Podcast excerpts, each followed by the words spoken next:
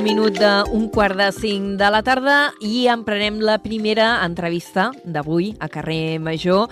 Ja ho hem dit, hem tingut aquesta confluència d'idees quan hem vist la nota de premsa avui eh, d'Ecologistes en Acció, eh, tant l'Aleix Pérez com jo mateixa, perquè hem pensat que era un tema que valia molt la pena tractar eh, avui a l'informatiu, perquè és una notícia que ens va sorprendre eh, dies enrere quan la llegíem i avui tenim eh, reaccions per part d'Ecologistes en Acció acció.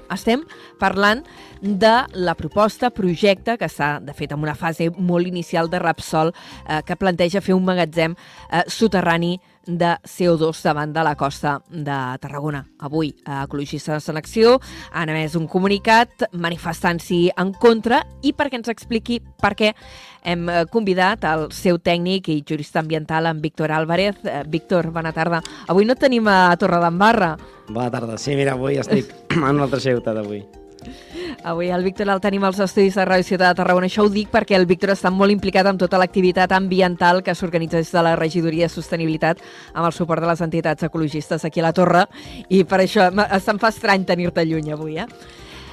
En fi, eh, explica'ns una mica el per què eh, de les vostres reticències davant d'aquest projecte que de moment, eh, com dèiem, està en una fase molt, molt, entenc, molt inicial, perquè simplement eh, disposa eh, d'un permís del Ministeri de Transició Ecològica per fer una inspecció del fons marí per estudiar la viabilitat de si fer aquesta mena de magatzem soterrani eh, seria viable o no. Amb vosaltres per què us fa sonar l'alarma? A veure, la, la raó principal per la qual nosaltres ens oposem a aquest tipus de projectes o infraestructures no, que s'estan impulsant és principalment perquè estem donant una falsa solució a la ciutadania. En aquest cas, eh, aquests projectes, aquestes iniciatives, en cap cas porten a el que seria una reducció en general en tota la seva, en, en tota la seva idea d'aquest CO2, no? sinó el que ens trobem que diguéssim és aquesta captació del CO2 de l'espai aeri, que diguéssim, però aquest CO2 continuarà però al subsol marí. És a dir, realment el que diguéssim, d'alguna forma més popular, no? estem amagant aquest CO2 de l'aire i l'estem amagant sota terra aquest CO2 continua existint. No és que desaparegui o l'estem reduint, no, únicament l'estem canviant de lloc i l'estem deixant invisible als nostres ulls. I, mm. i aquest tipus de solucions doncs, volem que la ciutadania sigui conscient de que no és una reducció, sinó és que, diguéssim, moure la, uh, els residus d'un lloc i posar-los en algun altre. En un altre lloc, el qual eh, tindrà les seves repercussions ambientals i, i els seus riscos, no? Eh, perquè deies, clar, és amagar-lo en un altre lloc, però d'entrada el que ens fa patir del diòxid de carboni és, és un gas que té efecte hivernacle, impedeix que la radiació eh, surti de nou de, eh, en direcció amunt de l'atmosfera, quedi concentrada aquí sobre la Terra, vagi fent pujar aquesta temperatura global que, que estem experimentant però si l'emmagatzemem, mmm, tindria efectes negatius també, en alguna manera? O no se sap si el traiem de l'atmosfera, el posem en un altre lloc, quines conseqüències pot tenir en aquest altre lloc? Sí que es coneix i sí que està comprovat científicament que en els llocs propers a les zones d'injeccions de, de, del CO2, no, d'aquestes infraestructures, eh, es produeixen unes afectacions al, a l'entorn, no, al, al medi natural perquè, clar, estem parlant que eh, en aquest cas volen posar eh, quantitats i quantitats de tones de CO2, no? eh, el lloc del, justament de la zona d'injecció pateix eh, ambientalment i fins i tot el fet d'arribar a posar centenars de, de gigatones eh, pot arribar a provocar un, un gran afectació no, que diguéssim a una massa d'aigües molt més elevada. Això ni els propis científics ho poden assegurar perquè estem parlant de, del subsol terrestre i, i els propis científics és una zona que ells reconeixen que no podem arribar a conèixer com succeirà, com es desenvoluparà la Terra al llarg dels anys, no? els moviments sísmics, sense els moviments, perquè no hem d'oblidar que el subsol terrestre està en constant moviment, no és una cosa uh, estàtica, no? és dinàmica. Llavors, sí que podem predir ara actualment, però aquests projectes que tenen l'idea de perdurar durant centenars d'anys, no sabem quina afectació podrà tindre al, al, al llarg dels anys, no? Aquí en, en el nostre territori, mm, sobretot a baix a les Terres de l'Ebre i, una, nord de, de Castelló, eh, hi ha l'experiència molt negativa del, del Castor, en què el que es va intentar és fer un magatzem submarí, eh, no de CO2, sinó d'un altre tipus de gas, de gas natural, eh, que va derivar en tot un seguit d'episodis de... Eh, sísmics, no? de, de mm. moviments sísmics, eh, això també us genera inquietud, aquesta experiència prèvia, creieu que podria ser equiparable? Sí, uh, totalment. Uh, per, per començar, que diguéssim, és, és aquest principi legal del principi de precaució, no? que no podem impulsar aquell tipus de tecnologies o d'infraestructures que realment no sabem que succeirà. I en aquest cas podríem dir que sí que ens podem fer la idea de lo que es pot succeir, i són coses negatives. Per què? Perquè, com bé dius, justament l'historial que tenim en aquesta zona és que amb el Castor va succeir això, no? També hi haurà un projecte similar, com bé dius, amb el tipus de gas, però la idea és la mateixa, no? eh, injectar aquest producte sota el, sol, sota el subsol no? terrestre. En el seu dia amb el Castor eh, es van presentar també un conjunt d'informes tècnics elegant de que allò provocaria aquests moviments sísmics, als quals no se'ls va fer cas, i després es va comprovar posteriorment com eh, es van produir no? aquests petits terratrèmols. Per què? Perquè és això, és tan complex el subsol terrestre que el que sí se sap és que és molt perillós a jugar amb aquests tipus de projectes. Llavors, eh, utilitzant el principi de precaució de la legalitat que hi ha instaurada a que diguéssim la comunitat europea, el seu seria no potenciar aquest tipus d'infraestructures. I és que el Castor mm. és el clar exemple de que, per almenys en aquest territori, eh, les coses no van molt bé i altres exemples que també tenim és en el cas de, Nor de Noruega, no? que aquests projectes sí, d'aquest tipus... Per això t'anava sí. a preguntar, perquè en el vostre comunicat eh, esmenteu aquests casos de, de Noruega, eh, que, que són experiències en aquest sentit, d'intentar fer magatzems soterranis eh, per desar, per emmagatzemar eh, aquest gas, el CO2 que té efecte hivernacle. Eh, quins són aquests casos i, i què els hi ha passat? Sí, en el cas són de dos projectes de Noruega. Els noms, disculpeu-me, però no me'ls sé perquè són de, una miqueta difícils de pronunciar. són noruecs. Sí, són noruecs. Llavors, no, no me'ls sé, no me sé de memòria ni sé pronunciar-los, disculpeu-me però són dos Tranquil, local... tranquil. Tenim dos casos a Noruega, sí, sí, tenim dos casos, que... estan més que documentats, per això no hi ha problema, sí. en els quals inicialment es van presentar doncs, com els projectes pioners, no? s'havia fet una gran inversió econòmica i, i material per executar aquests projectes, es van començar a executar, però ja va ser a partir dels 18 mesos, que diguéssim de l'any i mig, doncs, que van començar a sorgir uns imprevistos. Imprevistos que no eren segurs, però sí que els propis científics i documents no, contemplaven que eren coses que podien passar passa, perquè no s'arriba a comprendre quina és la complexitat d'aquest subsol terrestre.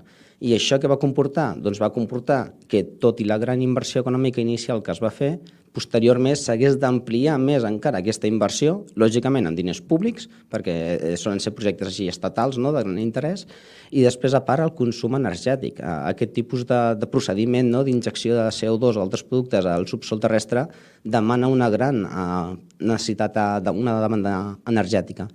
I això també s'ha d'assumir en, en, en la situació de complexitat que ens estem actualment de, de, del context del canvi climàtic. No?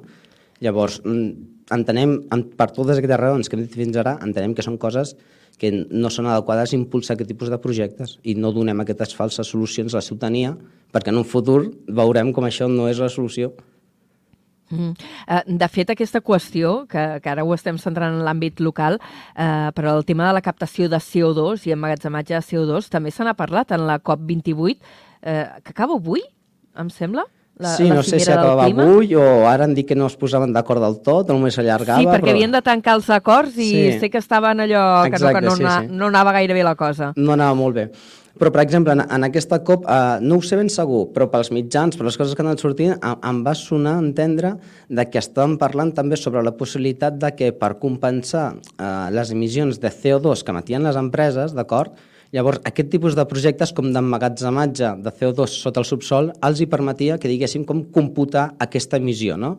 Dient, si tu emets una gigatona de CO2 però me l'emmagatzema sota terra, és com si no l'haguessis emès, pots emetre una altra. Però això no és una realitat, aquell CO2 sí, sí que s'ha emès i està sota terra. Vull dir, és que est estem jugant amb unes, eh, amb unes dades que no són, i amb uns fets que no són reals. Llavors hem de ser mm. conscients que aquest CO2 no desapareix, únicament l'estem canviant de lloc.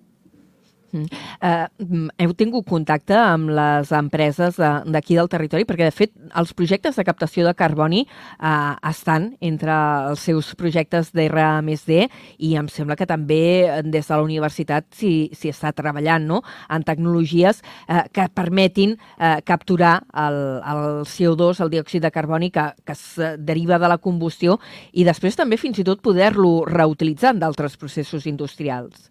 Sí, hi ha una tecnologia que s'està desenvolupant al voltant no, d'aquesta idea que, que has esmenat i, i és una tecnologia com tota, és important però de, em torno a basar a partir del principi de precaució que es troba en el nostre ordenament jurídic, no? creiem que és important que si realment no sabem les conseqüències que ens pot portar aquesta tecnologia a gran escala, i sobretot en aquest cas perquè estem tractant del subsol marí, que és, que és un, a part una peculiaritat amb, amb més dificultats, no? Doncs no impulsem ara, en aquest moment, aquest tipus de projecte, perquè és molt probable que surtin malament, i més també quan ja tenim altres exemplars a nivell d'Europa, de, i són grans potències, grans països que inverteixen molts diners, i no els hi ha sortit bé. Llavors és la idea de, bueno, investiguem aquesta, aquesta nova tecnologia, però no ens tirem a, a la piscina ja amb aquests megaprojectes perquè són molt cars i després quan surten malament ens passarà com el Castor, que ens toca pagar tots els ciutadans els mil i pico milions que, que ara haurem de pagar sí. amb la factura de la llum per tornar tot aquest deute, no? Vull dir, fem les coses en cap i fem els megaprojectes quan realment sapiguem que allò és adequat i no provocarà cap, cap imprevist ni cap acció negativa cap al medi ambient. Mm -hmm. eh, fet ara que dius això, no? La, recordo una, un, uns dels comentaris que han anat sortint aquests dies, sobretot de la comunitat científica i dels grups de pressió, de pressió ambientals, eh, relacionats amb aquestes noves tecnologies eh, de captació del CO2, o fins i tot amb el tema de l'hidrogen, no? De que són tecnologies que encara estan verdes. Allò que no s'hi pot dipositar la confiança al 100% perquè encara estan poc madures. Exactament, i també hem de saber on aplicar-les, no? En el cas de l'hidrogen verd, eh, com bé diu la paraula, ho has dit molt bé també com a adjectiu, està verd encara no, encara no, no està molt ben explotada, però també l'hidrogen verd de, després seria una petita part, realment el que estan fent és l'hidrogen rosa, que seria del nuclear, no? o l'hidrogen gris, que és el de les energies no renovables, que això també seria un altre tema. Però, per exemple, en el cas d'aquí de Tarragona, de l'hidrogen verd, eh, o de l'hidrogen en general, Uh, no és una, un lloc adequat. Estem en una zona on estem veient que cada cop la disminució de les pluges està provocant una falta d'accessibilitat a l'aigua. I l'hidrogen, principalment, el que necessita és aigua. Llavors, és un tipus de tecnologia que pot ser que en altres països, on van amb unes grans quantitats de, de sobrants d'aigua, que diguéssim, es puguin permetre l'ús d'aquestes tecnologies mitjançant el procés d'electròlisi. Però aquí doncs, ens entra el dubte també si és un tipus de, de potència que hem de ser els pioners quan tenim un recurs escàs i, i l'hem de destinar ara a fer aquest tipus de, de, que diguéssim, de vector energètic, perquè és això, també no és una producció energètica, és com un tipus de bateria, que diguéssim, és per emmagatzemar energia, exacte, és una pila. I llavors eh, hem de ser conscients amb, amb la situació en la qual ens trobem, no? I, i també ser conscients que actualment eh, la producció d'hidrogen també necessita una inversió de, de, energètica més gran que després l'energia que actualment es pot emmagatzemar, que diguéssim. Llavors, actualment és negativa, quan la tecnologia avanci més i, i s'investigui, llavors ja, ja tirarem endavant grans projectes, però és això, no, no avancem i no estem a la piscina, que després les coses eh, surten malament perquè la ciència necessita el seu temps per poder investigar les coses i poder atendre com, com funcionen, no? Eh, aquest, aquestes qüestions li vaig traslladar al, al director ja fa principis de temporada, eh? devia ser gairebé el director de l'oficina eh, tècnica de la Vall de l'Hidrogen Verd aquí a, a Tarragona, el senyor Isaac Justícia. Eh, no? Allò es necessita molta aigua i diu, sí, però pot ser aigua regenerada. Eh, encara no tenim prou desenvolupades les energies verdes perquè mm, no hi ha tanta producció energètica, encara hi ha poca eficiència, no? però és allò de, una mica el missatge és estamos trabajando en ello una mica el que ens va deixar sí, exacte. va deixar entendre. Sí, s'està treballant en ello, però també veus que van, també ens dona la sensació que van amb les presses més d'agafar les grans inversions i grans diners no? que en feien les inversions o les investigacions amb, amb cap. És, és la sensació que ens dona. Ara que hi ha els fons Generation, no? doncs clar, són molts milions que arriben, llavors totes les empreses sempre se tiren de cap i a vegades demanen una gran quantitat de projectes que després realment es donen compte de que no són els que necessiten. I això Repsol ho sap, perquè Repsol n'havia presentat uns quants projectes i ara fa poc ja n'ha anunciat uns quants, no? Vull dir, perquè és sí. això, ells tiren una bateria perquè busquen els diners i després ja quan li posen al cap doncs van veient, ostres, no, mira, aquí ens van passar, doncs aquest projecte deixa-la estar. A veure, mm, utilitzem, siguem raonables i, i anem amb les coses seriosament, no? Eh, hem de dir que d'aquest tema eh, hem demanat entrevista a Repsol eh, per poder parlar d'aquest eh, projecte, aquesta possibilitat de fer un magatzem eh, soterrani de CO2 i també de l'electrolitzador eh, al centre de, eh, de gran producció d'hidrogen que es preveu fer a Tarragona les agendes ara estan impossibles, ens han dit, perquè és finals d'any, just abans de Nadal, s'estan tancant els comptes anuals mm, i ja ens han dit que ens ho mirarem de cara a gener. Eh? No? Però totes aquestes qüestions també els hi traslladarem amb ells. Um, des d'Ecologistes en Acció, uh, com us vau assabentar de, de la notícia de la possibilitat de que es faci, eh? possibilitat, encara estem parlant d'una possibilitat, aquest uh, projecte submarí de, de, d'emmagatzemar CO2? Bueno, principalment també va ser per a mitjans de comunicació no? o a vegades també rebem les informacions a oficials administratives que envien a les entitats ecologistes de, de la zona on, on succeeixen aquests projectes eh, complint la llei d'informació pública no? de, dels, dels projectes i de, de l'oferiment de, de les dies per doncs, presentar al·legacions i tot i això però sí que és cert que normalment aquests projectes van bastant d'amagatotis no? i te'ls trobes. És a dir, no és una cosa que diguis, mira, estan treballant en això i sortirà. No, és, estàs un dia tranquil·let i de sobte, pam, et, surt aquesta notícia, no? I dius, ostres, què és aquí? I llavors ja comences amb això que dius... A mi em va rebentar bastant el cap, eh? perquè no n'havia sentit. Vull dir, hi ha projectes d'aquests que són una mica terns, no? que van sortint eh, periòdicament, però clar, va ser primera notícia. Exacte, és això, bueno, és, és el joc que fan. Ells, ells no donen informació abans, perquè així després són conscients de que hi ha una part de la, de, de la ciutadania que ens oposem a, a aquestes idees, no? sobretot a les, les parts ecologistes, i doncs fan la jugarreta de com menys informació tinguis d'abans millor, no? i com més de sopetó on t'agafi, menys temps tinguis per actuar, doncs també millor. I, i aquestes coses doncs van així, no? Uh, I jo crec que tots ens entrem, bueno, de sorpresa. A vegades tens una mica de sort i et pots avisar abans, o altres vegades doncs, et venen de, de sorpresa. I mm. a veure com van aquestes coses perquè aquí a Tarragona, si hem fet una petita també comparació, ara fa poc aquí, en el cas d'hidrogen, hem potenciat autobusos d'hidrogen aquí a Tarragona, no? S'està potenciant. Sí. Només dic en Europa, en altres països que ja els van potenciar fa anys, els han tret perquè no han sortit gens, gens adequats com es pensaven, no? Espero que això no sigui el futur aquí, però té tota la pinta de que en uns anys això de l'hidrogen ho tirarem enrere perquè encara no està del tot desenvolupat eh, bueno, és el dubte aquest de, que esmentaves abans de si és suficientment eficient des del punt Exacte. de vista energètic, allò de, o encara no, no? És una tecnologia que encara està eh, verda. De fet, el mateix sector ho reconeix, que encara està en procés de desenvolupament. Eh, ja que tenim el Víctor Álvarez avui en aquesta primera hora de carrer Major, et demanarem també valoració de dues notícies. De... Una d'ahir, l'altra és d'avui. Eh, avui recollirem, i ara ho sentireu a l'informatiu les seves paraules, eh, d'en David Mascor, del conseller eh, d'Acció Climàtica.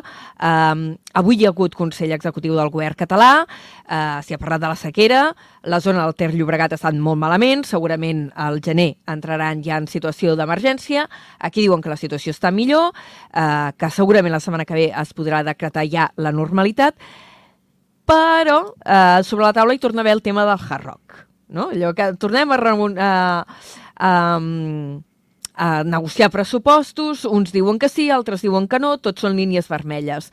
El conseller avui ha dit el projecte de la Hard Rock des del punt de vista hídric és viable i ho diu l'Agència Catalana de l'Aigua que ha avalat. Uh, ecologistes en acció, què en dieu? Doncs que és que m'ho imagino, eh, però... Què diem? Doncs a veure, sí, eh, que, que és necessari que realment ens posem seriosos en el tema de la gestió de l'aigua, perquè aigua n'hi ha, sí, el problema és com la gestionem, i l'estem gestionant molt malament. I un exemple de gestionar-la molt malament és invertir la poca aigua que tenim en projectes com el Hard Rock. Eh, això és un, un mal exemple de gestió, no? També jo vull recordar als, als representants a, a polítics i administratius que sàpiguen que eh, hi ha una normativa, una normativa d'aigües que marca uns usos de l'aigua i el primer ús d'obligatori compliment són els cabals ecològics. I això és la normativa ho marca que s'ha de complir. I actualment no s'està complint. I si continuem fent aquests transvassaments d'aigua de l'Ebre cap a projectes de Tarragona, com podria ser l'OTE, com podria ser Hard Rock o altres tipus de projectes, el que estem fent és encara incomplint més a, a aquesta normativa de cabals ecològics de l'Ebre, no? perquè cada vegada estem traient més aigua. I, I a banda d'això, és de justícia social que aquests projectes no tirin endavant. La ciutadania estem fent molts esforços per disminuir el nostre consum d'aigua. El que no pot ser és que aquella aigua que estalviem la ciutadania a través dels nostres esforços, que està bé, però el que no pot ser és que aquests esforços es regali a la indústria. En això els, els polítics haurien de començar a posar les piles i tots aquests esforços de la ciutadania que siguin per revertir a la ciutadania. I els, project, els problemes no venen ara a l'hivern, que, que, ens falti aigua a l'hivern ja és catastròfic, perquè a l'hivern no ens hauria de faltar aigua. Però el problema arribarà a l'estiu, què? Ara en tenim aigua, però a l'estiu no en tindrem. Llavors, si us plau, que es posin les piles, que facin complir la normativa, els cabals ecològics, i que per justícia social eh, no permetin que aquestes empreses emportin tota l'aigua que s'està estalviant a través de l'esforç de la ciutadania amb les mesures que tothom, jo crec, que durant aquest estiu i aquests mesos no, eh, hem estat contemplant i, i hem patit. Ara has esmentat el projecte de l'OTE, Energy Materials, aquesta gran fàbrica de, de, bateria, de bateries, de components per a bateries elèctriques eh, que es preveu fer a, a Montroig. Un projecte considerat estratègic eh, per part de la Generalitat que es va anunciar ja fa un any, però que ara està sortint eh, moviment contestatari a mesura que els veïns van percebent de què va la pel·lícula. Eh, des d'Ecologistes en Acció us heu posicionat al respecte? Sí, clar, perquè per desgràcia tots aquests tipus de projectes doncs, tenen els, els mateixos, eh, les, les mateixes estructures, no? que diguéssim és un gran consum d'aigua i sobretot en aquest cas seria doncs, una especulació de nou en, en, en el fet de... perquè el projecte de l'OTEN únicament és, és l'empresa no? de, de, de la producció de, de l'elecfoil, sinó que a part d'això també va, va amb els camps col·laterals també té un gran, un gran parc fotovoltaic, no?